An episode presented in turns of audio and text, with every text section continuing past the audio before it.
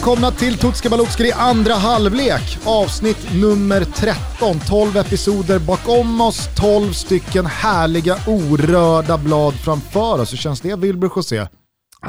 Det känns som att uh, vi börjar närma oss någonting. Och inte så att vi ska vara klara med det här, men uh, vi börjar närma oss EM. Det är väl det. Peppen och pulsen, den bara höjs hela tiden. Finns det något bättre sätt att börja denna andra halvlek än med Skottland?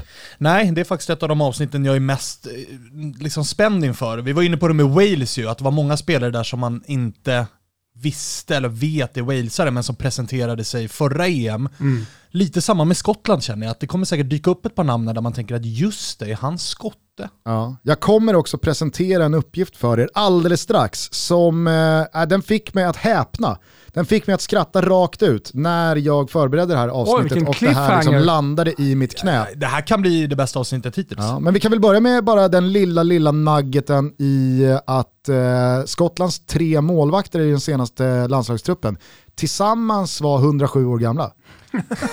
Gillar jag spontant. Ja, det, är fint. det betyder att den yngsta är vadå, 33? Ja, ja, exakt så. Vi tar det från början. Skottland har gått in i grupp D tillsammans med Kroatien, England och Tjeckien. Man inleder mot tjeckerna på Hampton Park i Glasgow med kniven mot strupen ifall man har tänkt att ta sig vidare. Sen väntar England på Wembley och sist så möter man Kroatien hemma på Hampton Park igen. Vi ska återkomma till den där Englands-matchen. Det är inte så att den har gått skottarna förbi. Magisk grupp. Ja, det får man säga. Jag ser oerhört mycket fram emot att följa Grupp D, men jag tänker att vi ska ta lite mästerskapsminnen vad gäller Skottland. De mm. senaste decennierna har varit mörka ur det skotska landslagsperspektivet. Man figurerade i en hel del mästerskap från VM-debuten 1954 fram till slutet av 90-talet, men där tog det roliga slut. Det senaste mästerskapet man deltog i var alltså VM 1998 och ni som minns kommer kanske ihåg att Skottland inte direkt var med och högg på medaljerna. Mitt tydligaste minne av Skottland 1998, det var att den norske backen Erik Mykland var ute och söp på krogen kvällen innan Norges match mot Skottland. Det säger väl en del om eh, vad, vad skottarna Bra sysslade med då. då.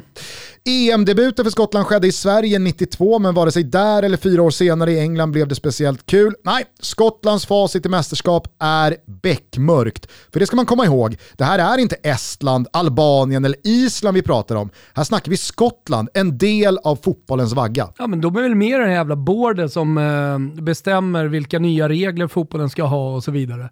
Alltså det, det, det är lätt minst två skottar med i det. Så ja, de har ju liksom inflytande menar jag också på världsfotbollen. Man spelade sin första officiella landskamp tidigt 1870-tal. Alltså det, det är inget land som på något sätt går på knäna rent ekonomiskt. Det finns en oerhört stark fotbollstradition. Ändå så känns man som eh, ett riktigt jävla gärdsgårdsgäng. Jag har ett litet problem med att svenskar gillar Skottland av någon jävla anledning. Whisky, golf, en karg natur som jo, men de pinar linnet. Alltså, de håller en tumme för Skottland i mästerskap. Jo, fast det är väl liksom tips extra Sverige. Ja, men det spelar ingen roll. Då får det vara tips extra du Sverige har, eller vad det nu är. Det är tips det... extra Sverige du har problem ja. med, det är inte Kom Skottland i sig. Kom aldrig och säg någonting till mig när jag sitter och håller på något afrikanskt land. Åh, hur kan man hålla på det? Ni sitter där hemma och liksom håller tummarna för Skottland. Detta lilla u-land inom fotbollen. Mitt enda minne är annars, det är ju Colin Henry jag landar i. Ja, han alltså, var ju med 98 där. Ja, och det, det, var ju det var den enda spelaren som stack ut riktigt eller? Han får ju dig att framstå som mörkhårig. Ja, oh ja. Och liksom bra bränna. Exakt. Du, det är en nougat-ton på Svanen jämfört med Colin Henry. pigment jämfört med Colin Henry. När det är familjemiddag och Svanen bjuds in, då är det olivfärgade, liksom, olivhys-Svanen. Exakt. Som en, liten, eh, som en liten prutt. Ja, men eh, alltså, okej, okay. Thomas Wilbacher har kanske inte saknat Skottland oh, eh, de senaste 20 åren i mästerskapen. Du då Svanen? Tycker du att eh, Skottland ska ha en plats runt bordet? när de hamnar i samma grupp som England så tycker jag det. För att de där derbymatcherna som det ändå blir, och framförallt nu när de får spela det på de brittiska öarna, det är ju det, i gruppspelet en av de matcherna man ser fram emot allra mest. Ja. Hur tog de sig då till EM 2021? Jo, häng med nu för nu kommer vi landa någonstans där ni fan inte trodde att ni skulle landa. Spännande. Kör. Skottland var aldrig riktigt nära att ens röra Belgien och Ryssland under EM-kvalet utan lyckades genom sina insatser i Nations Leagues C-division hösten 2018 mot Albanien och Israel knipa en väg genom köksdörren och playoff-semifinal först i höstas mot Israel. Sa jag Israel? Yes I did och det skedde alltså bara en månad efter att laget spelat 1-1 mot varandra i höstens B-division av Nations League och en månad efter att Skottland alltså slagit ut Israel ur EM-playoff-semin så möttes Skottland och Israel igen i Nations League. Nu tvekar ni va? Nu har han slagit sig Gugge. Nu kan väl det fan i mig vara nog med Skottland och Israel på ett tag tänker ni. Fem tävlingslandskamper mot varandra på lite drygt två år. Är det här Arkiv X eller? Ja men lyssna nu, tror ni inte Skottland och Israel sprang in i varandra ytterligare en gång i våras när VM-kvalet drog igång också. Ja, men det är väl klart som ett jävla korvspad att de gjorde. De hade inte mött varandra sedan 1981 och sen pang, boom, smackelibonk, sex jävla tävlingslandskamper mot varandra på lite drygt två år. Hur fan har detta bara tillåtits passera? Skottland mot Israel, sex matcher. Ett konkret motexempel, Champions League-semifinallagen Manchester City och PSG har genom fotbollshistorien mötts färre gånger än vad Skottland och Israel har gjort de senaste 700 dagarna. Det är så jävla overkligt. Jag är nu så pass exalterad att jag alltså glömde att redogöra för er att Skottland alltså åkte till Belgrad efter den där playoff-semifinalen mot Israel och slog ut Serbien på straffar i den direkt avgörande finalmatchen. Aleksandar Mitrovic missade den sista strallen och om ni bara tänker efter så minns ni säkert den skotska mörkblå glädjen från Balkan i höstas. VM-kvalstarten i våras var för övrigt ganska bra. 2-2 hemma mot Burschen, 1-1 borta mot Israel då och så 4-0 hemma mot Håkan Erikssons Färöarna. Gör att dansken kanske redan är ivägsprungen men att andra platsen och en playoff-väg till Qatar fortfarande ligger öppen. Burschen dyker upp ja, ständigt alltså. Men som man tappade... De är där alltså den där, den där straffsparksläggningen mot Serbien, den, den, är ju ingenting jämfört med hur ofta de... Det, det är sjuka Nej, siffror. Men alltså jag, jag, jag, jag satt när jag förberedde det här avsnittet med då Skottlands senaste landslagsår och så ser jag bara Israel, ping, Israel, pong, du måste Israel ju, du måste där, ju Israel hit, Israel Kan det här ja, men, stämma? Ja, men jag försökte liksom lägga, det var ju svårt att förstå Nations League-pusslet från första oh, början när det kom. Men när jag sen då ser att ja, men de hade varandra i C-divisionen men sen hade de också varandra i, i B-divisionen parallellt med att de möttes i playoffet. Hur? Ja, och sen såklart som fan så får de varandra också i VM-kvalet. Så man har alltså mötts sex gånger på två och ett halvt år. Med höstens match som stundas blir det alltså sju tävlingslandskamper mellan Skottland och Israel på mindre än tre år. Du var så trötta på varandra. Alltså. Ja, men är det inte helt sjukt att jo. det här har flugit under radarn? Verkligen. Alltså, jag, jag, jag, tycker att Sverige har, ganska många gånger har mött England senaste 30 åren. Mm. Och i kvalsammanhang så är det också så här, fan är det Bulgarien ja. nu igen? Men Ungen det är inte ens, igen. Det är inte ens i närheten. Det är så jävla overkligt. Jag, jag, fick, jag, fick, verkligen gnugga knölarna för att få ihop det där. Men som du nämner, det blev ju ett oerhört drama i EM-playoffet. Efter semin mot Israel så åker man alltså till Belgrad borta mot Serbien och slår ut dem via straffsparksläggning.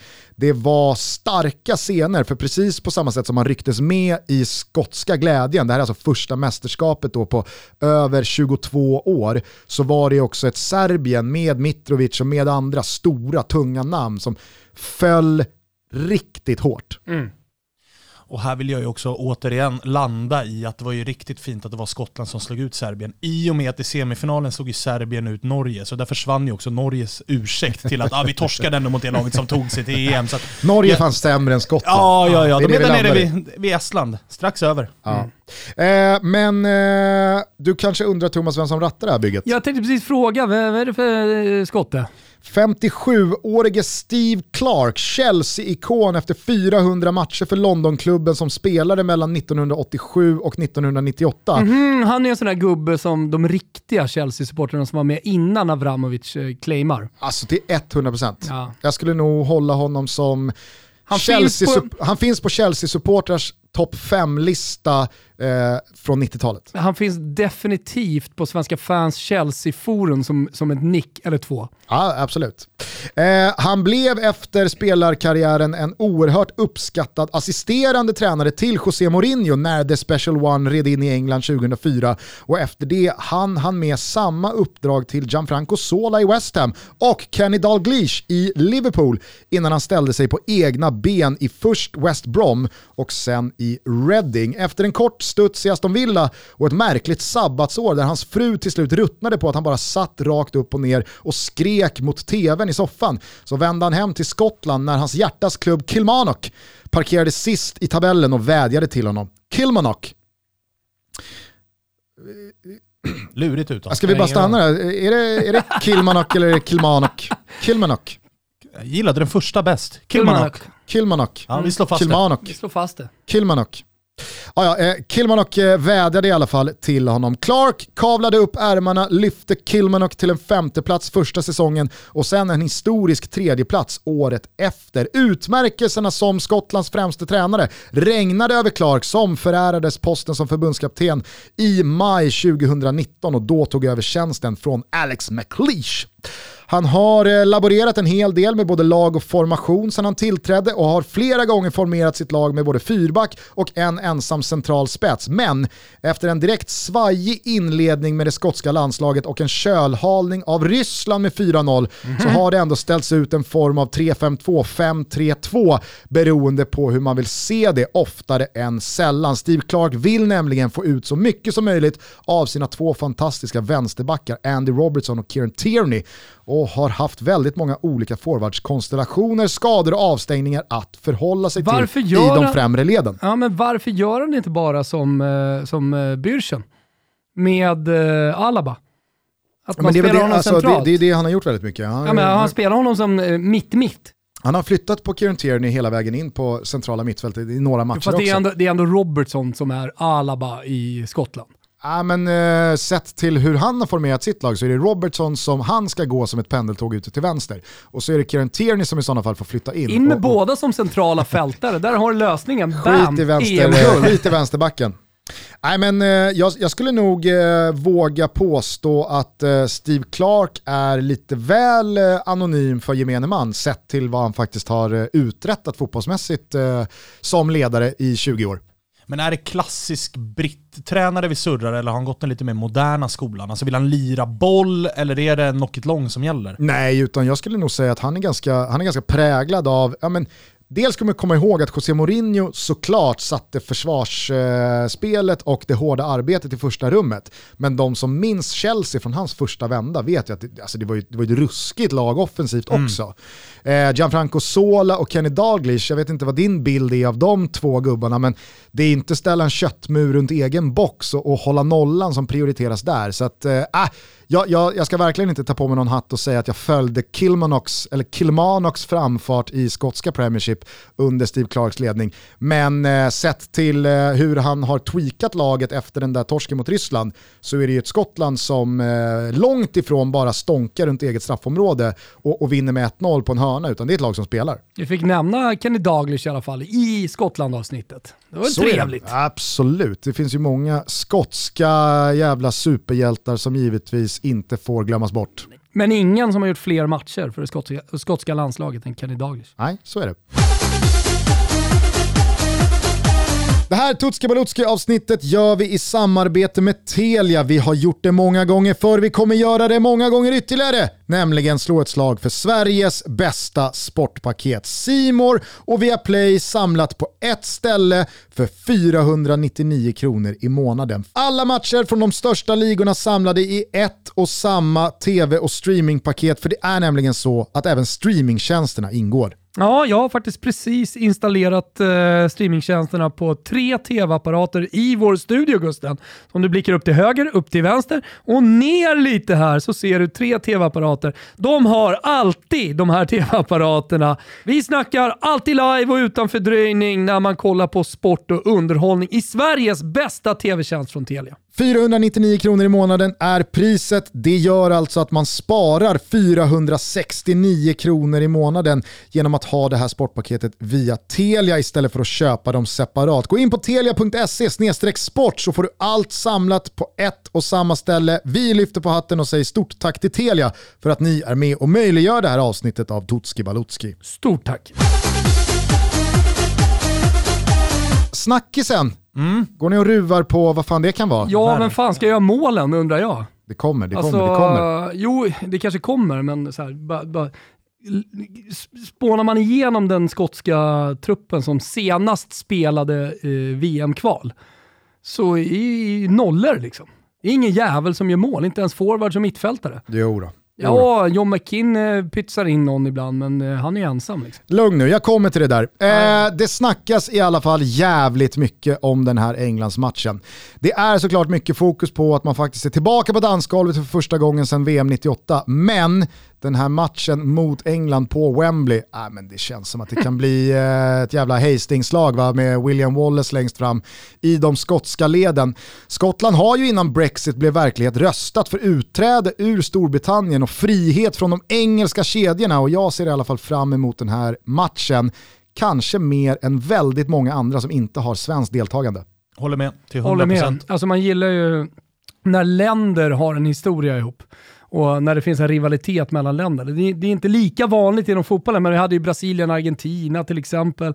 Eh, men ja, det, det, finns ju rivaliserande länder så att säga på fotbollsplanen, men Skottland, England, den slår ju någonstans i taket kan man tycka. USA, Iran 98 är en klassiskt laddad mästerskapsmatch. Ja, ja, men som aldrig riktigt nådde ut till fotbollspubliken. Det här når ju ut till fotbollspubliken. Ja, och det blir ju extra när den såklart spelas i England och att Skottland dessförinnan har fått starta i Skottland. Alltså hade det här varit i, i Baku den här matchen hade spelats, då hade det ju sänkts lite grann, även om det ändå hade varit stort. Men mm. nu när det är Wembley som gäller så uh, höjdpunkt. Steve Clark i alla fall, han försöker gjuta olja på vågorna. Han har ju levt större delen av sitt liv i England och hans barn och barnbarn ser sig som engelsmän. Så han försöker verkligen pränta in mantrat att Englandsmatchen är precis lika viktig som de andra två. Att det inte spelar någon roll från vilka matcher poängen kommer så länge de räcker till avancemang. Så han försöker ju tona ner det nationalistiska och, och, det rivaliserande mellan England och Skottland. Och det kanske är klokt, jag vet inte. Klokt um, men trist. Ja, alltså man precis. hade velat ha Braveheart. Det bestämmer ju, det bestämmer ju supportrarna i slutändan, ja, inte han. Så kanske det är, eh, men jag, jag, jag, jag, jag är inte chockad över att han inte går ut stridslysten och manar till kamp. Ta med er högaffeln ut på gatorna och, och spätta en engelsman. Där har han alltså inte tagit efter Mourinho. Nej, nej kanske. Mourinho hade ju gått en annan väg här. Ja, förmodligen. Ja. Nej, England mot Skottland 18 juni. För oss anglofiler så är det givetvis en av turneringens absoluta höjdpunkter. Vad har vi för MVP egentligen i Skottland, Gusten? Andy Robertson, lagkapten för det skotska landslaget. Han var ju ganska bra i ett väldigt dåligt hall och handplockades av Jürgen Klopp sommaren 2017. Och kanske är just Andy Robertson det bästa beviset på både Klopps öga för klass och hans förmåga att få ut max av spelare som andra kanske bara kramat hälften ur. Han har inte haft sin bästa säsong i år. Vem har egentligen det i Liverpool? Men ser vi sammantaget på de senaste tre åren i Europa har i alla fall jag svårt att nämna en vänsterback som varit bättre än Robertson. Formdippen och i synnerhet poängproduktionens eh, avtagande är givetvis dåliga nyheter för Skottland och Clark. Och jag tror inte att jag sticker ut hakan sådär jättelångt när jag säger att om Andy Robertson inte är bra och bidrar med sin världsklass, ja, då kan Skottland glömma allt vad avancemang heter. Skaver dock lite att han som lagkapten inte tog en straff mot Serbien i höstas för mig så det, det, ja. det, funkar liksom inte. I synnerhet inte när man som Robertson sitter inne på ett sånt jävla Nej, bra tillslag och har nätkänning i buggarna. Men hej, spelar Andy Robertson på toppen av sin förmåga så kan det göra hela skillnaden ändå. Köper det. Sen måste det vara surt för Clark, att, alltså det haglar ju inte världsklasspelare här, men att det är Tierney och Robertson som båda är så tydligt egentligen vänsterbackar eller vänster-wingbacks. Deppigt att ha en jävla vänsterback som MVP. Jo men han är, han är ändå kapten. Det är Andy Robertson. Det är Liverpool. Alltså. Fast vadå det är Andy Robertson? Han ska springa på en kant och slå inlägg. Alltså det är så här, alla andra, alltså alla landslag har ju någon Golovin i Ryssland, någon, någon, någon centralt nav. Och det, jag menar, det är där matcher avgörs, centralt i banan. Skottland, de har en vänsterback som MVP. Kan ju avgöras på fasta situationer också. Och någon, där är ju Robertson... gång, någon gång var väl även Paolo Maldini MVP för Italien? Nej, aldrig. Så spelade han jävligt mycket Aldrig. central också, mittback. Men han kunde gå ut till vänster med lakartelsbindeln. Det är mot fotbollens idé att ha en vänsterback som MVP. ja okej, okay. men jag, jag, köper den. Men håller du med mig Gusten om att det är surt för Clark? Att det är Tierney och Robertson som typ är bäst i laget, men båda konkurrerar typ om samma position? Absolut, det, det, är klart att Clark nog gärna hade sett den kvaliteten utspridd på i alla fall två lagdelar, eller i alla fall två positioner.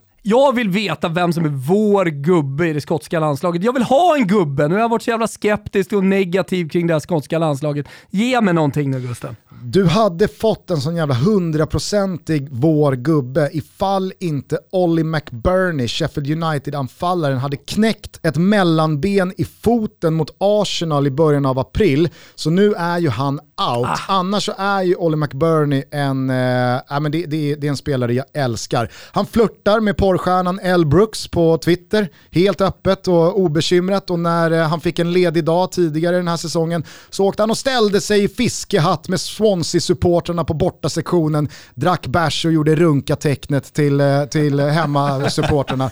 så att Ollie McBurney hade ju varit vår gubbe ifall han hade varit fit for fight. Namnet är ju också, det är en karikatyr. Ja. Ollie McBurney. Så det är ju lite trist att uh, McBurney är out. Således så är vår gubbe Che Adams.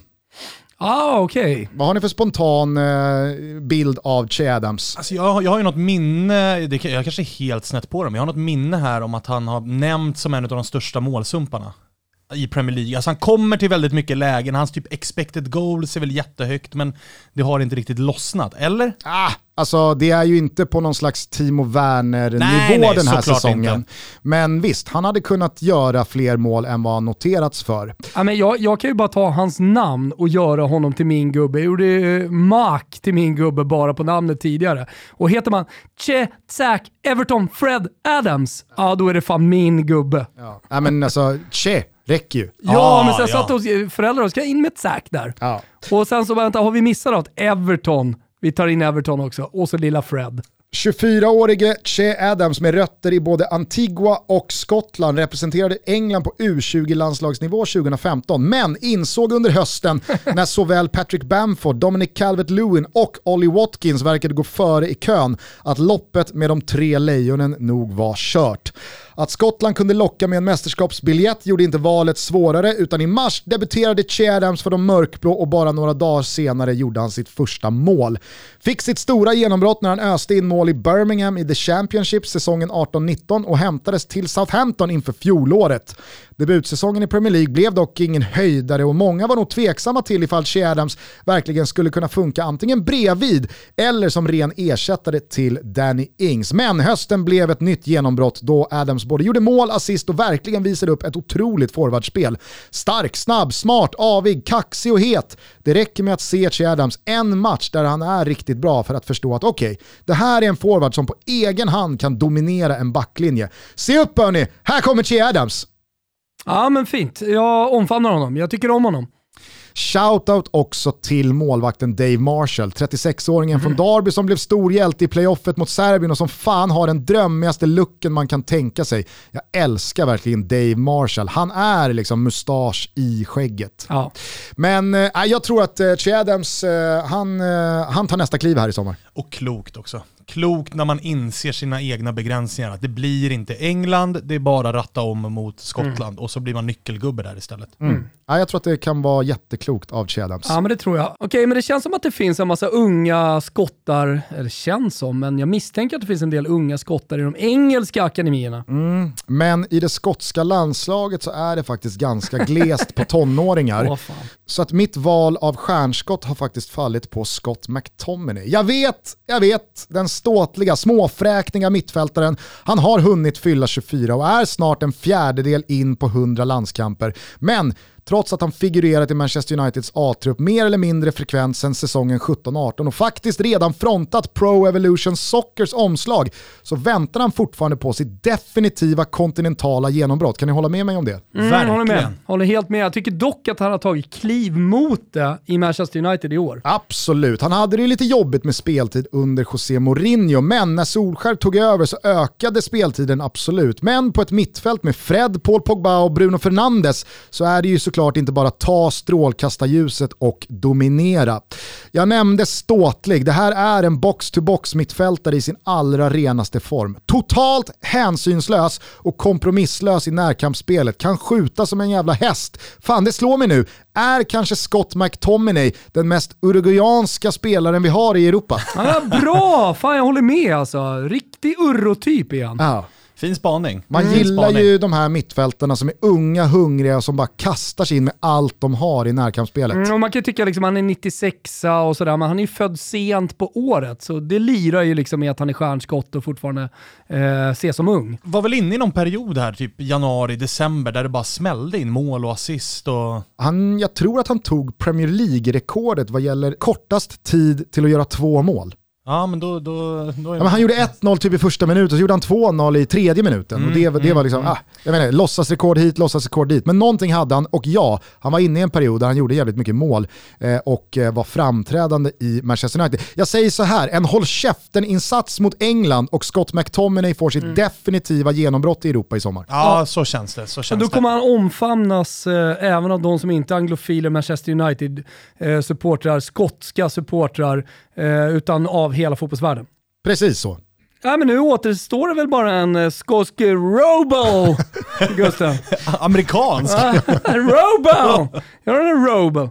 Jag försöker hitta min inre skotska Rubel.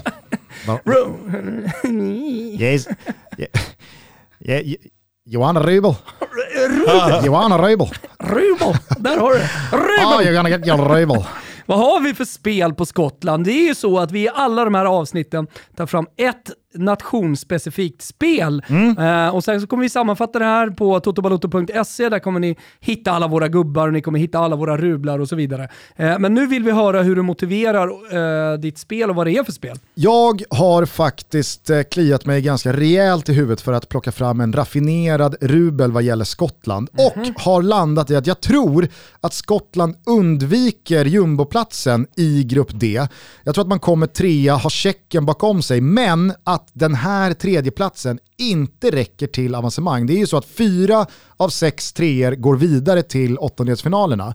Men jag hittar starkare grupper med lag som nog kommer antingen ha bättre målkvoter eller ta fler poäng än vad Skottland gör mot Kroatien och England. Så jag tror att Skottland nog blir trea, men att det slutar där alltså, ändå. Dubbla kryss, man gnetar till sig ett jävla kryss mot Kroatien också, får två poäng, men åker ut för Kroatien vinner över eh, här, Tjeckien. Man gillar ju de här där Gusten har tänkt till lite. Ja, men nu har jag hela gruppen ja, klar ja, ja. för mig. England går rent, Kroatien eh, de kryssar mot Skottland men vinner mot Tjeckien.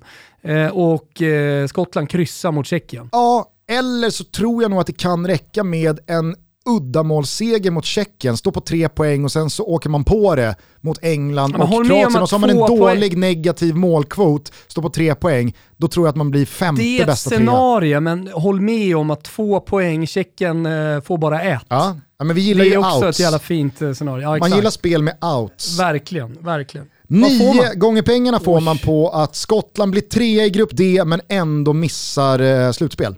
Här blir det ingen marinering Gusten. Här hoppar jag rätt in under godbitar, boostade odds på betsen.com och plockar. Tur då att du är 18 år fyllda, för det är du väl? Ja det är Det är du så du bara sjunger ja. om det. Ni behöver också vara 18 år fyllda ifall ni vill vara med och rygga den här Ruben och eh, tänk på att stödlinjen.se finns öppen dygnet runt ifall man upplever att man har lite problem med spel. Skottland värmer upp mot Holland innan man genrepar och bygger lite självförtroende mot Luxemburg. Ah, smart. Smart. 0-1 mot uh, Luxemburg. Mycket. Inte så jävla mycket självförtroende det vill jag meddela. Ja, smart också Svåra jävla Luxemburg. Smart, smart taktiskt att ta Holland också. Som, ja. Det kommer ju vara väldigt likt England och eh, Kroatien. jag ser fram emot att följa Skottland, jag ser fram emot den här matchen mot England, jag ser fram emot den klassblandning som finns i det här laget. För det ska man komma ihåg. Andy Robertson, Scott McTominay, Kieran Tierney, Adams, det är riktigt, riktigt bra spelare. Så kollar man på typ ja, men, eh, den, den defensiva triangeln. Du har Dave Marshall som är typ 50 bast från Derby bakom ett mittbackspar som heter Grant Hanley Norwich och någon Jack Henry som spelar sin fotboll i Ostende ja, i Belgien. Alltså det, det, jag... det, det, är så här, det är verkligen, det spretar ja, ja. nivåmässigt. Men det jag tar med mig från det här avsnittet framförallt, det är ju liksom avsaknaden av Skottland i mästerskap. Eh, och att de nu är tillbaka. Och fan, är det någonting de kommer klara av så tror jag fan det är att kriga ner motståndare. Ja, och på tal om det, de hade Kroatien i sista va? Mm. yes. gruppspelsmatchen. Och den alltså. vill man ju se som Skottland har häng på avancemanget där med skallarna. Och så Kroatien som vi vet ju har en förmåga kommer, att det, vara det, lite halvspretiga psykiskt. Så jo, kan alltså, det, bli, det kan ju bli en körning. Tänk er Scott McTominay mot Kovacic på centrala mittfältet ah, ja. i alltså, en avgörande gruppspelsmatch där. När domaren ja, blåser smälla. igång den matchen kommer det ligga 11 utslitna skotska hjärtan på den planen och bara pulsera kommer vara mod i blickarna kommer, på, på skottarna. Det kommer inte vara en kortfri match mellan Skottland och Kroatien. Se nu hur jag vänt. Se nu hur jag vänt. Jag började jävligt skeptisk, nu står jag där i skotthörnan. Härligt. Ja. Hörni, eh, tack för att ni har lyssnat på det trettonde avsnittet av Tutski Balutski. Imorgon så rullar vi vidare med Thomas Wilbachers Ryssland. Ja, Mother Russia, då kör vi. Då kör vi Moderskeppet. Eh, ha det bra, ciao tutti. Ciao tutti. Ciao tutti.